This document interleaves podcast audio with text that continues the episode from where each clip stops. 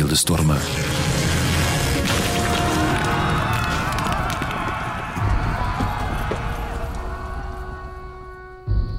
Welkom in deze podcastreeks over beeldenstormen.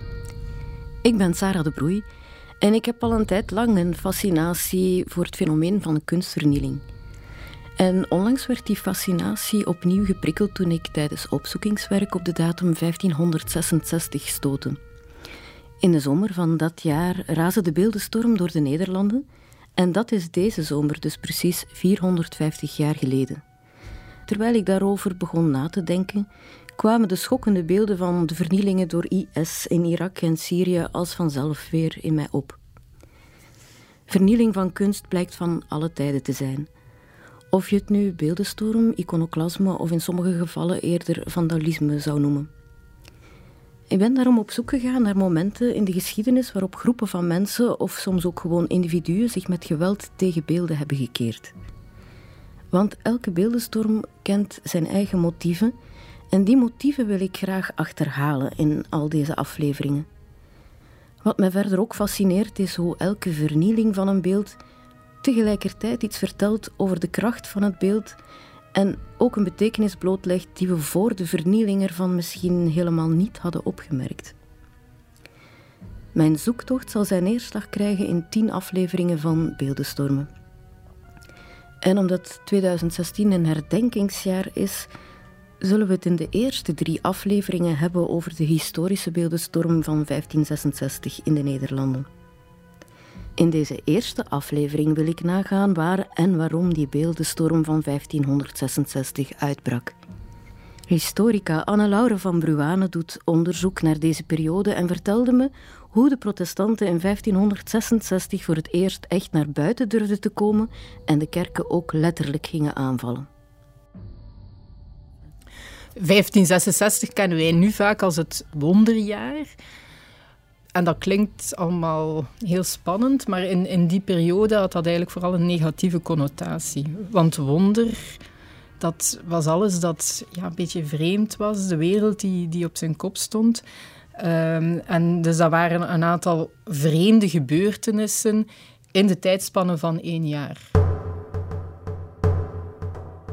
Dus het begint eigenlijk met uh, het Eedverbond der Edelen, die hun smeekschrift gaan aanbieden aan Margaretha van Parma. De edelen die, die politiek verzet gaan plegen. En dan, dan krijg je de beeldenstorm in, in, de zomer van 1566. En dan loopt dat verder. Hè. Dus dan voor een stuk gaan Calvinisten dan de macht grijpen in een aantal steden. En uiteindelijk eindigt het met de komst van Alva. uh, en, en, eindigt het dus ja, slecht. Maar dat kon Sebastian Matte nog niet bevroeden toen hij op 10 augustus een hagepreek hield buiten de stadsmuren van Steenvoorde. Aan het eind van zijn preek riep hij toen zijn toehoorders op om het Sint-Laurijnsklooster te bestormen en er vernielingen aan te richten. Dat was het startschot van de beeldenstorm. Maar waarom begon het allemaal in Steenvoorde? En wie was die Sebastian Matte die de lont aan het kruidvat stak op die bewuste Augustusdag van 1566? Steenvoorde ligt vandaag net eh, over de grens in Frankrijk. is een heel, heel klein plaatsje waar vooral aan textielnijverheid werd gedaan. Dus dat was een regio die, die economisch sterk in opgang was, maar natuurlijk ook wel economische problemen kende, sociale problemen. En waar er een misschien wat meer woelige sfeer eh, heerste dan, dan binnen de grote steden van dat moment. Sebastian Matte, heel veel weten we daar niet over. Uh, hij wordt beschreven als een uh, kleine, dikke man van een jaar of dertig. Uh, en hij zou een hoedemaker geweest zijn uit Yper. Dus ook iemand met zo'n ambachtelijke achtergrond, maar die dan de Bijbel duidelijk goed had gelezen. Uh, en op die manier zichzelf eigenlijk had uh, opgeleid tot predikant. In de 16e eeuw waren er heel wat protestantse gemeenschappen ontstaan in de Nederlanden, die zich tot 1566 vooral gedijst hadden gehouden voor de autoriteiten. In het dorpje Horebeke in de Vlaamse Ardennen is zo'n protestantse gemeenschap gedocumenteerd van in de 16e eeuw. Het dorp heet eigenlijk Sint Maria Horebeke. Maar omdat protestanten niet aan Sint te doen, noemen zij hun gemeente gewoon Horebeke. Welkom in Horebeke, wereldwijd beroemd en bekend vanwege zijn Heuzenhoek. waar sinds de tijd van de reformatie protestanten zich min of meer in het geheim en tegenwoordig volledig vrij hun geloof beleiden en beleden hebben. Ik trok naar de Geuzenhoek, waar ik Wilfred de Jonge ontmoette, die lid is van de gemeenschap en me graag rondleidde in zijn idyllische plattelandskerk. Ik ben een van de 80 beleidende leden die we hier nog hebben. Horebeek is een piepkleine plattelandsgemeente. Dat heeft u misschien al gehoord aan de geluiden die hier rondom ons te horen zijn. Daar krijgt de haan alweer. Voor een plattelandsgemeente is dit uh, de enige waar nog een protestantse kerk staat en waar een protestantse gemeenschap leeft en werkt sinds eeuwen. We zijn een beetje apart en dat vinden de mensen ook wel uh, verwonderlijk. Sommigen hebben nog nooit gehoord van een protestant. Wat is dat, een protestant? Zijn dat mensen met bokkenpoten zoals men vroeger dacht, of met een lange staart of zo? Af en toe krijgen we zelfs mensen op bezoek uit West-Vlaanderen die eh, bij het betreden van onze kerk beginnen te zoeken naar een wijwatervat. Wat ze natuurlijk niet vinden. Er is geen omdat met protestanten de, het, het wijwater niet uh, tot de uitrusting van de kerk behoort. Uh, evenmin als beelden en uh, veel kaarsen en dergelijke. Biechtstoelen vindt hij er ook niet. Wilfred de Jonge kan gelukkig vandaag zijn geloof in alle vrijheid beleiden. Maar in de 16e eeuw stonden de protestanten in het brandpunt van een godsdienstoorlog. God wil niet dat wij beelden vereren. En toch staan de kerken daar vol mee. De Bijbel. De Bijbel, daar gaat het om. En wat doet de kerk? Die verrijkt alleen zichzelf. De beeldenstorm was een uitbarsting van gewelddadig protest. Geweld dat zich tegen de kerken richtte. De vraag is of alle protestanten meededen met die beeldenstorm. Want wie waren die beeldenstormers? De beeldenstormers zijn in hoofdzaak Calvinisten. Van in het begin van de 16e eeuw heb je de opkomst van het protestantisme eh, in Europa met eerst Luther. Maar Luther was een relatief gematigd figuur, dus hij wilde wel een volledige omslag in de kerk, maar tegelijkertijd was hij tegen elke vorm van politiek protest en wanorde en vond hij eigenlijk dat ja, de gelovigen nog altijd de overheid moesten gehoorzamen. En daarna nog een beetje wat wij de Calvinisten noemen, is eigenlijk een slecht woord. Hè? Want in, in, in de 16e eeuw was dat een scheldwoord, Calvinist. Hè? Dat zijn de volgelingen van Calvijn. Zij zagen zichzelf als degene die de ware christelijke religie uh, navolgden. En daarbij was Calvijn hun voorbeeld. Het is in ieder geval zo dat Calvijn zeer uh, kritisch was tegen het vereren van beelden. Hij baseerde zich daarvoor op de tien geboden heeft nooit gezegd van neem de hamer op en ga die beelden gaan kapotslaan. Maar eh, iemand die zijn, ja, zijn geschriften leest, kan er wel op, op die manier gaan interpreteren. Ja, de grote vraag blijft nog altijd wat nu de precieze oorzaken en aanleidingen waren van de beeldenstorm. In de eerste plaats waren er de politieke omstandigheden van het wonderjaar, waarbij er toch een, soort algemeen verzet was tegen Philips II. En vooral tegenover zijn ketterijpolitiek. En je ziet ja, dat daar een soort momentum komt hè, van dat verzet uh, tegen uh, de vorst.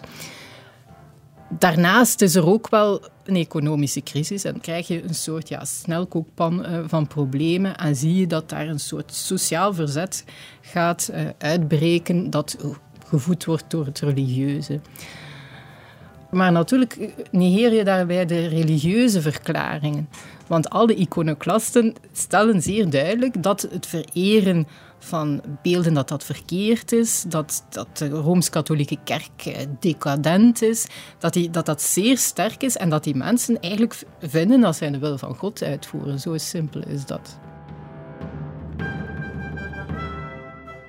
Je moet ook begrijpen dat in de 16e eeuw theologie zeer belangrijk is. Dat lijkt misschien eh, vreemd voor eh, de hedendaagse mens die niks meer eh, van de kerk eh, wil weten. Maar in, die 16e eeuw was theologie iets essentieel, want het ging eigenlijk over hoe kom ik in de hemel. Zeer simpel. Hoe uh, verwerf ik mijn zielenheil?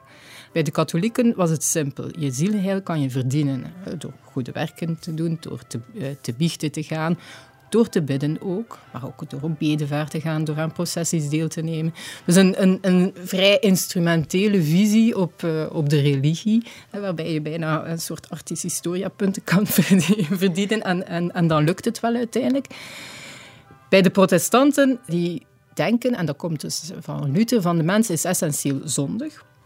En die kan eigenlijk niks aan zijn lot veranderen. Maar hè, gelukkig is God genadig en schenkt hij dat zielenheil aan de zondige mens. Dus wat moet de, de protestant doen? Wel, hij moet God eren, hè. hij moet uh, de schepping eren en dan maar hopen hè, dat hij uiteindelijk wel in, in, in die hemel zal geraken. Is een veel pessimistischer uh, levensbeeld uiteraard. Ik vermoed dat de protestanten in Horebeke eerder gematigde protestanten zijn, want mijn gastheer uit de Geuzenhoek, Wilfred de Jonge, gaf me niet meteen de indruk zwaar gebukt te gaan onder een pessimistische levensbeschouwing. In Horebeke ga je vandaag tevergeefs op zoek naar sporen uit de 16e eeuw. Dat kan ook niet anders, want de protestanten die leefden er clandestien, tot er eindelijk in de 18e eeuw een mildere politiek werd gevoerd tegenover hen staan hier dus voor die oude protestantse kerk. Een idyllische plek. Achteraan een prachtig kerkhof met een reusachtige treurbeuk. We kunnen naar binnen gaan. Even kijken wat er daar te zien is. Deze ruimte ziet er helemaal niet uit als een kerk. Het is gewoon een ja, min of meer vierkante grote zaal waar er mensen kunnen bij elkaar komen. En die werd gebouwd in 1795 naar de voorschriften van de toenmalige keizer Jozef II. Maar hij was wel zo slim om te zeggen, dat kerkgebouw mag er zeker niet uitzien als een katholieke kerk. Er mag dus geen toren op staan. Het moet een heel eind van de openbare weg gebouwd worden, zo onopvallend mogelijk, tegen een boerderij aangebouwd. Als een soort ja, bijgebouw bij die bij die boerderij. En zo is dat dan gebeurd. In 1795 heeft men hier met veel vreugde deze kerk in gebruik genomen. Want daarvoor hadden de protestanten hier helemaal geen kerk, mochten er geen hebben. Hun bijeenkomsten waren eigenlijk al sinds 200 jaar illegaal. Alles moest hier uniform katholiek zijn. Het blijft merkwaardig hoe de protestantse gemeenschap in Horebeke ondanks alle perikelen is blijven bestaan sinds de 16e eeuw. Waarom hielden zij stand? Waarom werden zij niet van de kaart geveegd door de zware vervolging van protestanten? Dat is een, eh, een vraag die historici al meerdere malen heeft bezig gehouden. En voor zover mij bekend is er daar nooit een sluitend antwoord op gekomen. Sommigen spreken van de uitgestrekte bossen die hier toen aanwezig waren. Waar de bosgeuzen en hun volgelingen en afstammelingen zich goed konden schuilen. Ik, volgens mij zijn er in andere streken van Vlaanderen ook wel bossen. Maar dat is een, een uitleg. Een andere uitleg, een andere verklaring is dat in die tijd de, onze streek hier behoorde tot het land van Aalst. En het land van Aalst, Aalst is een heel eind hier vandaan. En er was waarschijnlijk toen minder blauw op straat dan tegenwoordig. Dus men zal die mensen wel af en toe een keer een beetje vergeten zijn, denk ik. Behalve wat pesterijen, misschien links en rechts. Dat was zo'n beetje de, de hang van zaken voor zover we die kunnen opmaken uit de weinige bronnen die we daarover hebben. Over Horebeke zijn misschien niet zoveel bronnen bewaard, maar historica Anne-Laure van Bruane is toch vooral blij dat er over de beeldenstorm in het algemeen wel redelijk veel bronnen bewaard zijn gebleven. En niet alleen bronnen door de overheid eh, gecreëerd, van de vervolgers, maar dus ook bronnen van gewone mensen, gewone burgers die beschrijven de voor hen vaak onverstaanbare dingen die ze zien. En een mooi voorbeeld daarvan is Godevaart van Haag, die ook uit een kunstenaarsfamilie kwam. Die ja, hield een chroniek bij waarin hij dus al die gebeurtenissen eh, naar aanloop van uh, de beeldenstorm heel mooi ook uh, heeft beschreven. Vanuit zijn Luthers standpunt natuurlijk. En dat maakt het interessant. En een heel mooie passage is iets wat hij beschrijft, is nog niet de beeldenstorm zelf. We zijn nog twee dagen voor de beeldenstorm, maar wel op een heel cruciaal moment. Dat is de Onze Lieve Vrouw omgang. waarbij dus doorheen de stad het uh, Mariabeeld, dat bewaard werd in de Onze Lieve Vrouwkerk, werd uh, rondgedragen. Godevaart van Haagt als Lutheraan was zeer kritisch, hè, want hij noemt haar het houten blok. Hij spreekt niet uh, zeer eerbiedig over Onze Lieve Vrouw. Op de 18e dag van augustus was er in Antwerpen de ommegang. En het houten blok van het Mariabeeld werd rondgedragen door huurlingen, waaronder genoeg vrijwilligers te vinden waren. En de gemene roep klonk overal: Maaike, Maaike, dit is de laatste keer dat je buiten komt, gij moet in een besloten klooster gaan. Enzovoorts. Over de aanwezigheid van die protestanten in die tijd zijn we eigenlijk het best nog ingelicht uit de geschriften van de, dus aanhalingstekens, vijanden. Dat wil zeggen de plaatselijke pastoors. Die regelmatig ten behoeve van hun bisschop een stand van zaken moesten opmaken over het rijden en zeilen in hun parochie. En in die rapporten en die verslagen zien we toch af en toe opduiken dat er in, in dit of dat dorp er toch wel wat uh, verdachte families aanwezig waren. Waarvan de leden nooit naar de mis kwamen, zeker hun Pasen niet hielden. En uh, zelfs waren er bij die naar Sas van Gent uh, trokken om daar te gaan trouwen. Wat natuurlijk uh, betekende dat ze hier terug in Horebeke een doodzonde leefden. Want dat huwelijk daarbij een protestantse dominee in Sas van Gent, dat was hier helemaal niet helder. Nog voor 1566 waren er al beeldenstormen geweest op andere plekken in Europa. Maar bij ons was de beeldenstorm toch wel bijzonder heftig. De beeldenstorm in de Nederlanden had precies toch nog een ander karakter dan elders. De beeldenstorm in, in, de, in de Nederlanden is wel bijzonder eh, in, in die zin dat die, die verspreiding dus heel groot is. Hè. Dus en je ziet in, in in andere Europese regio's dat, dat dat vaak heel lokaal is. Maar in de Nederlanden krijg je dus eigenlijk bijna die volledige Nederlanden. En zie je heel mooi dus dat dat begint aan dat westkwartier, dus in het zuidwesten van de Nederlanden. En dan ja, eigenlijk in noordoostelijke richting gaat. Uh, en dat duurt twee maanden. Hè, dus uh, over twee maanden tijd zie je dat, dat ja, die, die hele regio wordt getroffen door iconoclasme. Dus dat eindigt uiteindelijk met een veel gematigde beeldenstorm in, in Friesland. Maar dat betekent zeker niet het einde van het uh, iconoclasme in, in de Nederlanden. Wat we zien we een aantal uh, decennia later, of maar tien jaar later eigenlijk, als de Nederlandse opstand echt is uitgebroken, zie je dat in bepaalde steden Calvinistische regimes worden ingesteld in de zuidelijke Nederlanden, bijvoorbeeld in Gent, zeer belangrijk, in, in, Brussel en ook in Antwerpen. En dat die Calvinistische regimes eigenlijk een nieuw iconoclasme gaan organiseren. Soms is dat een gewelddadig iconoclasme dat zij min of meer tolereren. Soms is dat ook veel meer gestructureerd, dat zij de kerken gaan leeghalen, alles verkopen, eh, de, de muren wit schilderen en eigenlijk gaan inrichten voor de Calvinistische eredienst.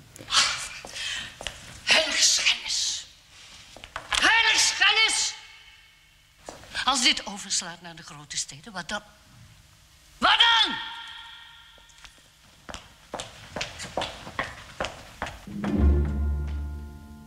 Die tweede beeldenstorm van de jaren ja, rond 1577, 78 80 tot 80 is minder bekend, maar is eigenlijk in zekere zin ingrijpender, omdat natuurlijk dan het uh, hele katholieke patrimonium eigenlijk wordt uitgevlakt.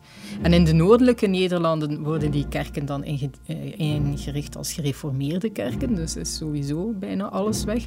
In de zuidelijke Nederlanden zou je denken, ja, daar komt dan een herstel.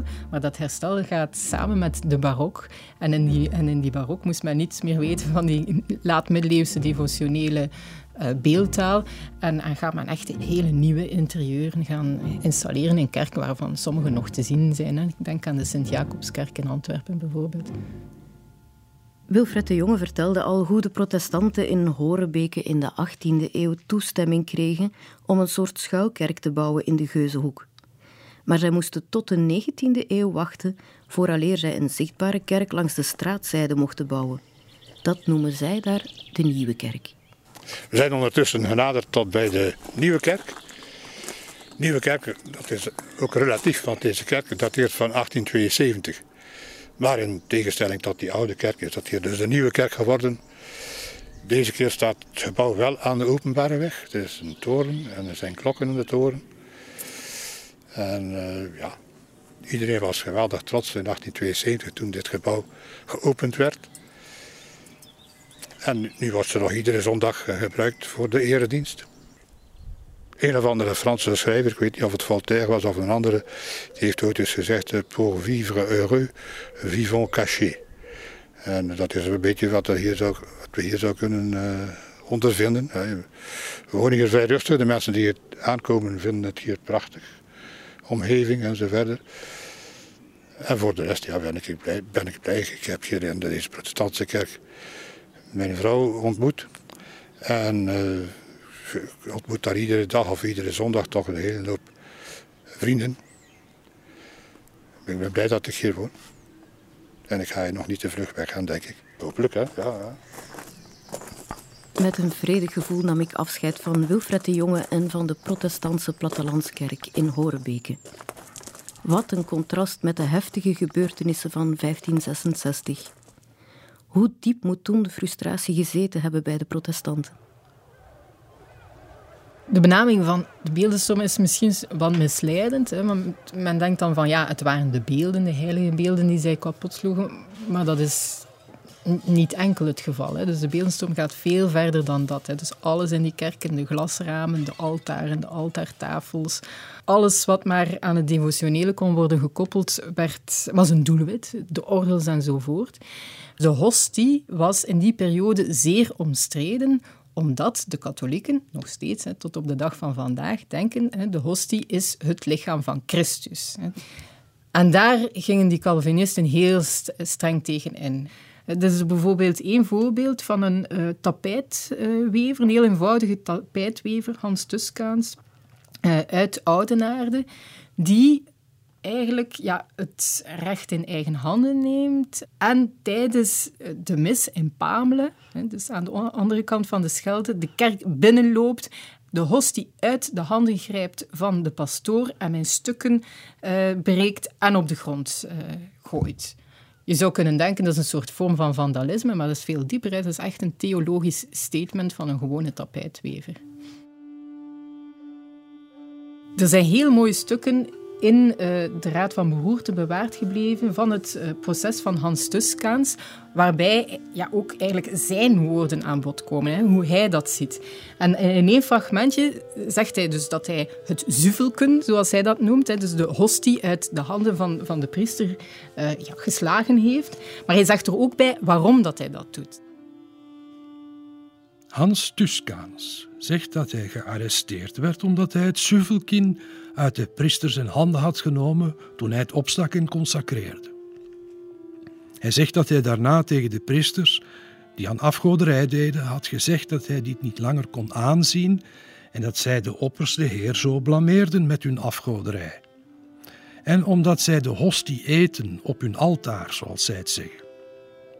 Maar de gevangene zegt dat Christus niet woont in tempels die door mensenhanden zijn gemaakt, maar in de hemel waar hij aan de rechterhand van zijn vader zit.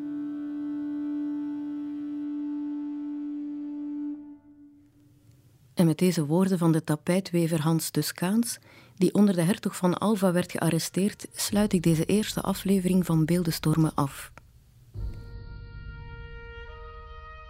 In de volgende Beeldenstorm ga ik met kunsthistoricus Koenraad Jonkeren en dominee Dick Woerste dieper in op de verschillende benaderingen van het beeld bij katholieken en protestanten. Ik hoop u dan terug te mogen verwelkomen.